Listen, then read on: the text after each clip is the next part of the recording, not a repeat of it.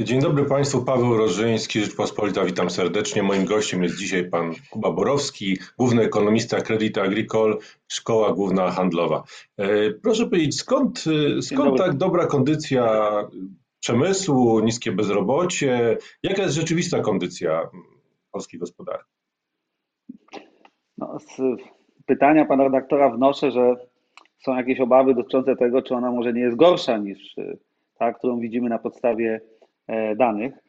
E, ta sytuacja jest e, rzeczywiście dobra. Jeśli chodzi o przemysł, to sprawa jest dość prosta. Patrzymy na strukturę produkcji przemysłowej, widzimy, które działy produkcji ciągną aktywność w górę w ostatnich miesiącach. Ewidentnie są to te działy, które są nastawione na eksport, w przypadku których udział eksportu sprzedaży jest wysoki. To wynika oczywiście z dobrej sytuacji gospodarczej, e, w relatywnie dobrej sytuacji, może relatywnie wysokiej aktywności, precyzyjnie w przetwórstwie przemysłowym szerzej, globalnie, dlatego że jak my patrzymy na mm, przebieg pandemii i to, jak ta pandemia oddziałuje na mm, gospodarkę światową, to widzimy taki dwutorowy e, mechanizm. Z jednej strony e, bardzo dobrze sobie radzi przetwórstwo przemysłowe, które w jakimś sensie odporniło się już na tę pandemię, wprowadziło różne zasady pracy, zasady higieny, e, obostrzenia, które pozwalają na kontynuację produkcji, w związku z tym uzyskanie pewnej odporności na lockdowny. I mamy również usługi. Te usługi, one są znacznie bardziej podatne na wszystkie lockdowny i obostrzenia. Więc przetwórstwo, e, w szczególności przetwórstwo niemieckie, e, czy szerzej przetwórstwo strefy euro, podlega y, y, ożywieniu, mamy do czynienia tam z wyraźnym ożywieniem aktywności, również napędzanym przez wzrost światowego handlu i popyt ze strony e, głównych odbiorców e, niemieckiego eksportu, w tym krajów azjatyckich. Polskie firmy, które kooperują z firmami niemieckimi, e, firmami w strefie euro, korzystają. Plus całkiem nieźle radzą sobie firmy, które produkują dobra trwałego użytku, dobra konsumpcyjne. E, to wszystko razem sprawia, że eksport i przetwórstwo przemysłowe, a zatem cała produkcja przemysłowa radzą sobie na tym na tle innych sektorów, w szczególności budownictwa czy usług, o których wspominałem, wyraźnie lepiej. Więc tutaj nie ma niespodzianki. Natomiast jeśli chodzi o e, bezrobocie, no mamy sytuację e, niestandardową. Ta, ten, ta niestandardowość sytuacji gospodarczej w Polsce polega na tym, że mamy rynek pracy, który jest zahibernowany. Mamy wciąż efekt, e, e, pozytywny efekt oddziaływania e, tak zwanych tarcz finansowych na, na ten rynek pracy. Widzimy to w niskim bezrobociu, które jest wciąż troszkę wyższe niż przed pandemią. Natomiast no, na tle krajów Unii Europejskiej wygląda to bardzo dobrze. Ten styczniowy wynik jest, jest bardzo dobry, mamy najniższe bezrobocie w krajach Unii Europejskiej. Natomiast y, musimy pamiętać o tym, że y, ta hibernacja rynku pracy się niebawem skończy. Zbliżamy się do momentu, kiedy ta 12-miesięczna tarcza e, wygaśnie. Pamiętamy, że jednym z mm, ważnych warunków e, e, otrzymania tej pomocy jest utrzymanie zatrudnienia przez 12 miesięcy. I taka chwila prawdy nadejdzie. Ona nadejdzie w maju, w czerwcu, kiedy y, jakaś część firm, jakaś grupa firm zdecyduje się na restrukturyzację, no bo jednak e, struktura popytu się trochę zmieniła. E, pandemia wprowadza trwałe zmiany do funkcjonowania gospodarki e, i to ostatecznie może zaowocować jakąś korektą zatrudnienia. Ale nie spodziewam się, aby ona była duża, przynajmniej na razie dane na to nie wskazują, te wskaźniki wyprzedzające dotyczące E, intencji firm jeśli, firm, jeśli chodzi o kształtowanie e, zatrudnienia. Więc w sumie ta sytuacja na rynku pracy powinna pozostać e, dobra. To, co jest jeszcze ważne, bo zawsze musimy zestawiać dane o bezrobociu z danymi o aktywności zawodowej. I współczynniki aktywności zawodowej wyglądają dobrze, wyglądają dobrze również, jeśli porównamy je z poziomami sprzed pandemii, a więc no, y, nie można też powiedzieć, że to niskie bezrobocie jest efektem na przykład e, spadku aktywności zawodowej, czyli jakichś dużych grup osób, które wycofały się z rynku pracy, przestają szukać e, tej pracy. Tak nie jest. Więc myślę, że w sumie to jakby wzmacnia ten, ten dobry obraz rynku pracy w Polsce. Jakie, jakie możemy mm, postawić prognozy, jeśli chodzi o rok 2021, tak szerzej? Czy ten przemysł będzie sobie dobrze dalej radził, czy usługi odbiją, jak to będzie wyglądało z eksportem? Jaki będzie ten 2021 rok? No on będzie dobry, on będzie dobry w tym sensie, że gospodarka e, powinna e, e, powrócić do poziomu, który mm, pod koniec roku powinna powrócić do poziomu, który określamy mianem równowagi makroekonomicznej, czyli, czyli sytuacji, w której to bezrobocie jest na poziomie takim, poniżej którego już bardzo trudno zejść. Innymi słowy, mamy do czynienia z tak zwanym pełnym E, pełnym zatrudnieniem i wciąż umiarkowaną presją inflacyjną. E, w kolejnych latach możemy mieć do czynienia z przegrzaniem gospodarki, ale to jest e, dyskusja trochę na inny temat. To, co będzie gospodarkę napędzać w tym roku, to jest oczywiście konsumpcja, bo ta konsumpcja odbije. To są również inwestycje, które w drugiej połowie roku też odbiją. Eksport, który na fali tego ożywienia w światowym handlu również e, e, przyspieszy. Więc e, to są wszystko te czynniki, które będą dynamizować wzrost. Natomiast myślę, że kluczowe pytanie dotyczące tego, jaki będzie przebieg tego ożywienia, jaka będzie struktura wzrostu, konsumpcja, inwestycje, a zatem i usługi oczywiście, o które pan redaktor pytał, bo najmniej boimy się o przetwórstwo przemysłowe. Tutaj dalej będziemy mieć do czynienia z z ożywieniem, które oczywiście może być trochę hamowane przejściowo przez e, różnego rodzaju ograniczenia podażowe, na przykład e, e, problemy, z którymi zmagają się dzisiaj firmy przetwórcze, na przykład z branży samochodowej, brak chipów, procesorów, który spowolni produkcję przejściową, ale to są ograniczenia podażowe, a nie popytowe. One nas zawsze trochę, trochę mniej martwią. Usługi, no one będą e, się e, odradzać bądź e, trochę przygasać, jeśli chodzi o aktywność, w rytm obostrzeń. No w tej chwili jesteśmy w takiej fazie, w której obostrzenia te związane z pandemią są zwiększane w związku z trzecią falą, więc powiedzmy sobie gdzieś od maja możemy liczyć już na tak sądzę, biorąc pod uwagę prognozy przebiegu pandemii w Polsce, te, którymi dysponujemy, możemy liczyć na mm, stopniowe, mm, stopniowe ożywienie również w e, usługach.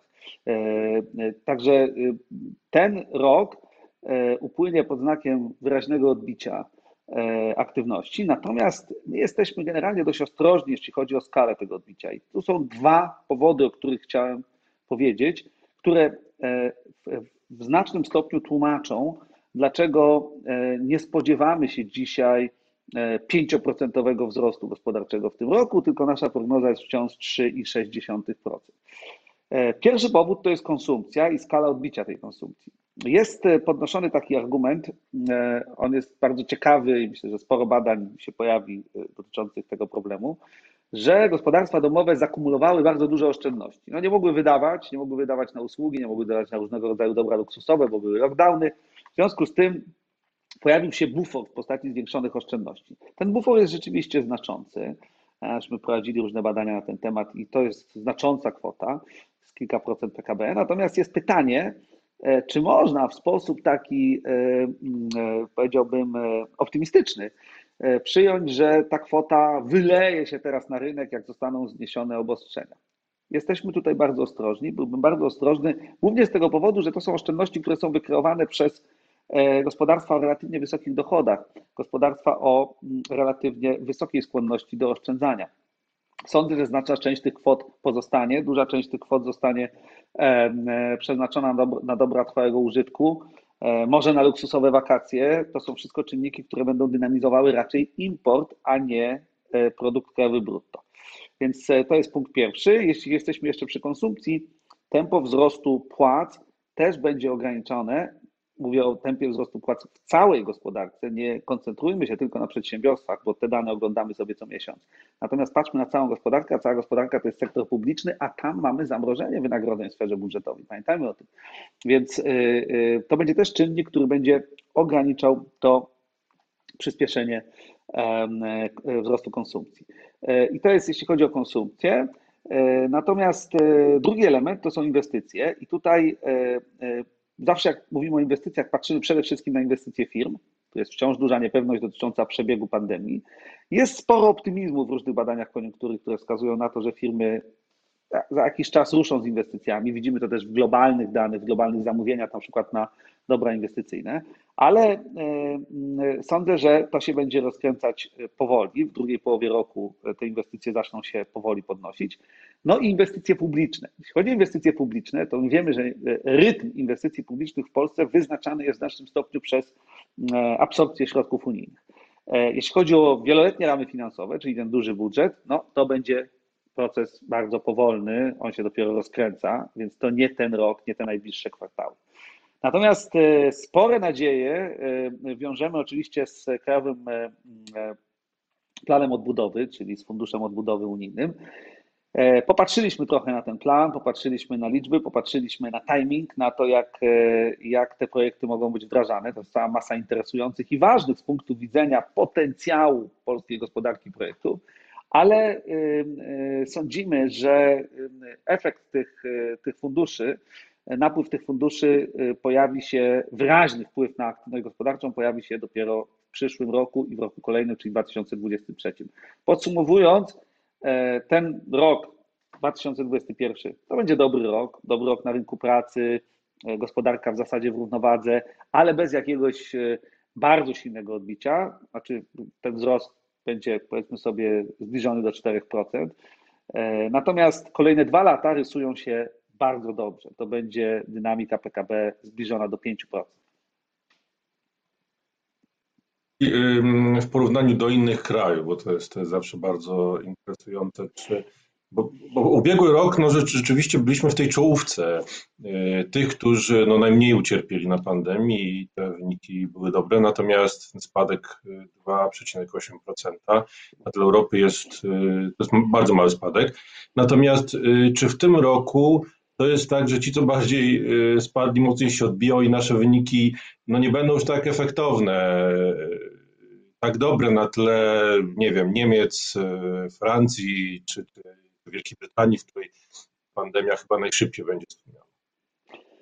Będą dobre te wyniki, będziemy dalej doganiać te gospodarki, e, głównie dlatego, że e, w wielu z tych gospodarkach, do których się odnosimy i które chcemy doganiać, skala stymulacji nie była tak duża jak w Polsce. To po pierwsze. Po drugie, lockdowny, które tam mają miejsce, są przedłużane, są ostrzejsze niż w Polsce e, i też będą hamować e, ożywienie. To wszystko razem sprawi, że e, niektóre z tych gospodarek z krajów rozwiniętych Unii Europejskiej, które mocno obniżyły aktywność, nie odbiją na tyle mocno, aby można było powiedzieć, że dynamika PKB w tym roku będzie wyższa od tej, która jest w Polsce. Więc można powiedzieć, że że ten rok 2020 i rok 2021 e, to jest czas w tych warunkach, tych, tych silnych turbulencji, to jest nadal czas, w którym będziemy mm, e, doganiać e, i kraje rozwinięte Unii Europejskiej, i średnią unijną. To z inflacją, bo tutaj jest sporo obaw rzeczywiście. Czy, czy, ten, czy mamy generalnie problem inflacji? Bo NBP nie widzi generalnie problemu wyższych cen i raczej podwyżek stóp się nie powinniśmy spodziewać. Tak, no nie jestem rzecznikiem Narodowego Banku Polskiego, ale troszkę chyba Narodowy Bank Polski trzeba wziąć w obronę. No, NBP widzi oczywiście inflację, widzi inflację w okolicach 3% w tym roku, tak wynika z projekcji inflacji, która została opublikowana e, w szczegółach e, dzisiaj, natomiast, e, natomiast już pierwsze liczby znamy, poznaliśmy je w poprzednim tygodniu. Więc widzi tę inflację na poziomie około 3%, w przyszłym roku poniżej 3%, bliżej celu inflacyjnego. E, nasza prognoza jest troszkę niższa, ale dostrzegam, powiedziałbym, wyraźne ryzyko w górę dla tej prognozy związane przede wszystkim z dynamiką cen paliw. Będziemy rewidować tę prognozę w, w, po tym, jak poznamy inflację styczniową i lutową. Jest duży, jest duży element, jest duża niepewność związana z tym, jak zmieni się koszyk E, towarów i usług konsumpcyjnych, bo na podstawie badań budżetów gospodarstw domowych GUS ten koszyk zmieni e, i to oczywiście wpłynie na e, inflację. Próbowaliśmy oszacować zmiany tego, w tym koszyku i oczywiście na tej podstawie również oszacować inflację. Wychodzi nam, że ta inflacja styczniowa będzie 2,5, ale jeśli uwzględnimy to ryzyko związane z silnym wzrostem cen ropy, który w tej chwili trwa, on postępuje, rynki bardzo mocno wierzą w tej chwili w ożywienie, mam taką hossę na rynkach surowców, no to mm, trzeba będzie najprawdopodobniej tę, tę inflację, tę prognozę inflacji trochę podnieść i pewnie będziemy bliżej tych, tych 3% średniorocznie niż 2,6% 2,6 w tej chwili. Co w tej inflacji jest istotne? Myślę, że jest istotne to, i ja bym się tutaj zgodził z profesorem Glapińskim, tu nie ma jakiegoś wielkiego sporu, że w, w tej chwili i w najbliższych kwartałach, e, e, jeśli chodzi o tempo wzrostu cen, e, istotną kontribucję, istotny wkład do, do inflacji będą miały czynniki o charakterze podażowym albo administracyjnym, w zależności od tego, jak, jakiego określenia chcemy, chcemy użyć. No, no, są te słynne śmieci. One rzeczywiście kontrybuowały bardzo znacząco do wskaźnika inflacji. Mieliśmy 50% wzrost opłat za wywóz śmieci. Ten Wzrost będzie wyhamowywał w tym roku ze względu na bardzo wysoką bazę ubiegłoroczną, ale powoli, dlatego że kolejne podwyżki opłat są wprowadzane. Przykład Warszawa za chwilę od, e, od 1 kwietnia e, przejście na inną formułę. E, więc to jest pierwszy element. Drugi element, oczywiście jest to, taki, jest to taka inflacja energetyczna, w tym sensie, że mamy do czynienia z utrzymującym się wzrostem cen energii elektrycznej, dość wysokim i on pozostanie z nami. Tutaj pełna zgoda. E, mamy wzrost cen paliw, który będzie też inflację podbijał. No, e, e, książkowo nie powinniśmy na to reagować, chyba że doprowadzi to do silnego wzrostu presji płacowej i wtórnych efektów inflacyjnych. Narodowy Bank Polski, Rada Polityki Pieniężnej z pewnością będą to e, monitorować, będziemy się temu wszyscy przyglądać. Na razie takich sygnałów nie ma. Gdyby takie sygnały się pojawiły, oczywiście trzeba reagować w, poprzez zaostrzenie polityki pieniężnej. No jak, i jeszcze ostatnia rzecz, jak, panie redaktorze, tylko, tak? tylko, tylko te tak zwane podwyżki covidowe. Pamiętamy ubiegły rok, wzrosło trochę ceny, e, wzrosły ceny niektórych, e, niektórych usług, które wzrosły no, ze względu na, na zwiększone koszty e, związane z koszty prowadzenia działalności związane z pandemią, usługi medyczne, e, e, różnego rodzaju usługi świadczone na rzecz gospodarstw domowych. Tu będziemy mieć do czynienia z efektem wysokiej bazy ubiegłorocznej. Ta inflacja też powinna stopniowo się obniżać. Dlatego ja nie mam takiego poczucia, że mamy w Polsce problem wysokiej inflacji. Ta inflacja najprawdopodobniej średniorocznie w tym roku będzie powyżej e, celu inflacyjnego Rady Polityki Pieniężnej, ale moim zdaniem ze względu na strukturę tej inflacji, strukturę tego wzrostu cen, e, na razie nie ma powodu, żeby na to reagować w postaci zaostrzenia polityki pieniężnej w sytuacji, w której nie robi tego Europejski Bank Centralny. To by oznaczało, jeżeli pójdziemy w kierunku ostrych podwyżek stóp procentowych, to się skończy silną aprecjacją kursu e, złotego. No, ale to, to, to, nie, nie potrzebujemy jej w tej chwili. No ale to nie będzie miało generalnie miejsca. No, prezes Glapiński nie pozostawia żadnych, e, żadnych e, wątpliwości. Natomiast chciałbym pana jeszcze na koniec zapytać o, o krajowy plan odbudowy, no bo to jest jeden z tematów, wiodących obecnie tematów. E, na ile on może jeszcze pobudzić gospodarkę. Mówiliśmy, że to, to jest jednak chwilę musimy na to poczekać, ale już wzbudził ten plan kontrowersji. Jak pan generalnie go ocenia? Jak pan ocenia to, co przedstawił pan premier y, Morawiecki? To nie jest zbyt ogólne? Myślę, że na tym etapie e, ta ogólność jest wymuszona szybką, szyb, e, e, powiedzmy sobie, szybkim tempem prac, które zostało wymuszone niejako przez, przez pandemię, charakterystykę tego, tego programu. My ten program żeśmy przeanalizowali uważnie. Interesowaliśmy się dwiema rzeczami. Po pierwsze, rozkładem kwot, i e, e, timingiem, to znaczy tym, jak one będą wydawane. Bardzo trudno na podstawie tego programu e, ocenić precyzyjnie, jak on będzie wchodził do gospodarki, ale na dziś można oceniać, że jego niewielka część wpłynie na aktywność gospodarczą w tym roku. To będą, tak jak wspominałem wcześniej, kolejne dwa lata. Tam ten napływ będzie, będzie znaczący. Jak popatrzymy na strukturę, e, no to w zasadzie jest to taki koncert życzeń. E, koncert życzeń w tym sensie, że, że w zasadzie większość, znakomita większość e, obszarów, w przypadku których będziemy mieć do czynienia z wydawaniem pieniędzy pochodzących z grantów, to są obszary niekontrowersyjne. No, mamy transformację energetyczną, mamy transformację cyfrową, mamy wsparcie dla sektora usług medycznych, jego potencjału. To są wszystko rzeczy niekontrowersyjne. Obniżenie emisji CO2 to są wszystko, to są wszystko rzeczy niekontrowersyjne. Natomiast pytanie, w jaki sposób to będzie realizowane, jak szybko będzie realizowane, czy będzie realizowane w sposób przejrzysty. I na, to, na te pytania, jak rozumiem, poznamy odpowiedzi w najbliższych miesiącach. Na tym etapie program jest dość ogólny, ale z drugiej strony jest dość precyzyjny w tym sensie, że mamy mamy konkretne kwoty na konkretne, e, na konkretne, e, e, na konkretne cele. No, taki, taki przykład, który na przykład moim zdaniem robi wrażenie, 3 miliardy euro na, na docieplenie budynków mieszkalnych, tak? No to już myślę sobie, że te firmy, które się tym zajmują, zacierają ręce. Ale mam wrażenie, że skupiamy się na grantach. Co z, co z tymi tanimi pożyczkami, które wchodzą też w ramy tego programu? No, pożyczki to jest zawsze dług. W związku z tym e, zakładam, że i temu rząd się e, e, przyjrzy. Natomiast w tej chwili oczywiście priorytetem było rozdysponowanie tych pieniędzy, czy propozycja rozdysponowania tych pieniędzy, bo teraz mamy konsultacje. Natomiast dług jest zawsze tym czymś, po co sięgamy mniej chętnie, jeśli mamy do dyspozycji granty. Więc pojawiają się granty, natomiast są też jakieś propozycje propozycje powstaną, ale my zakładamy w naszych e, prognozach, że e, wykorzystanie środków w ramach Funduszu Odbudowy, Unijnego Funduszu Odbudowy, tych, które są mm, zapisane w tej części pożyczkowej, będzie niewielkie. Będzie niewielkie, dlatego że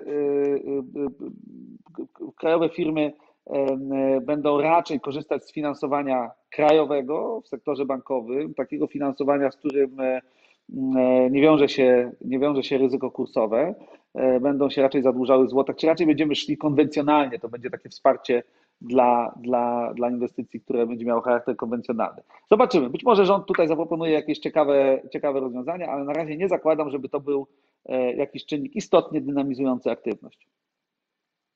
Mhm. Dziękuję bardzo za rozmowę. Z nami był pan Jakub Borowski, główny ekonomista Credit Agricole w Polsce, Szkoła Główna Handlowa. Bardzo dziękuję za rozmowę. Bardzo dziękuję.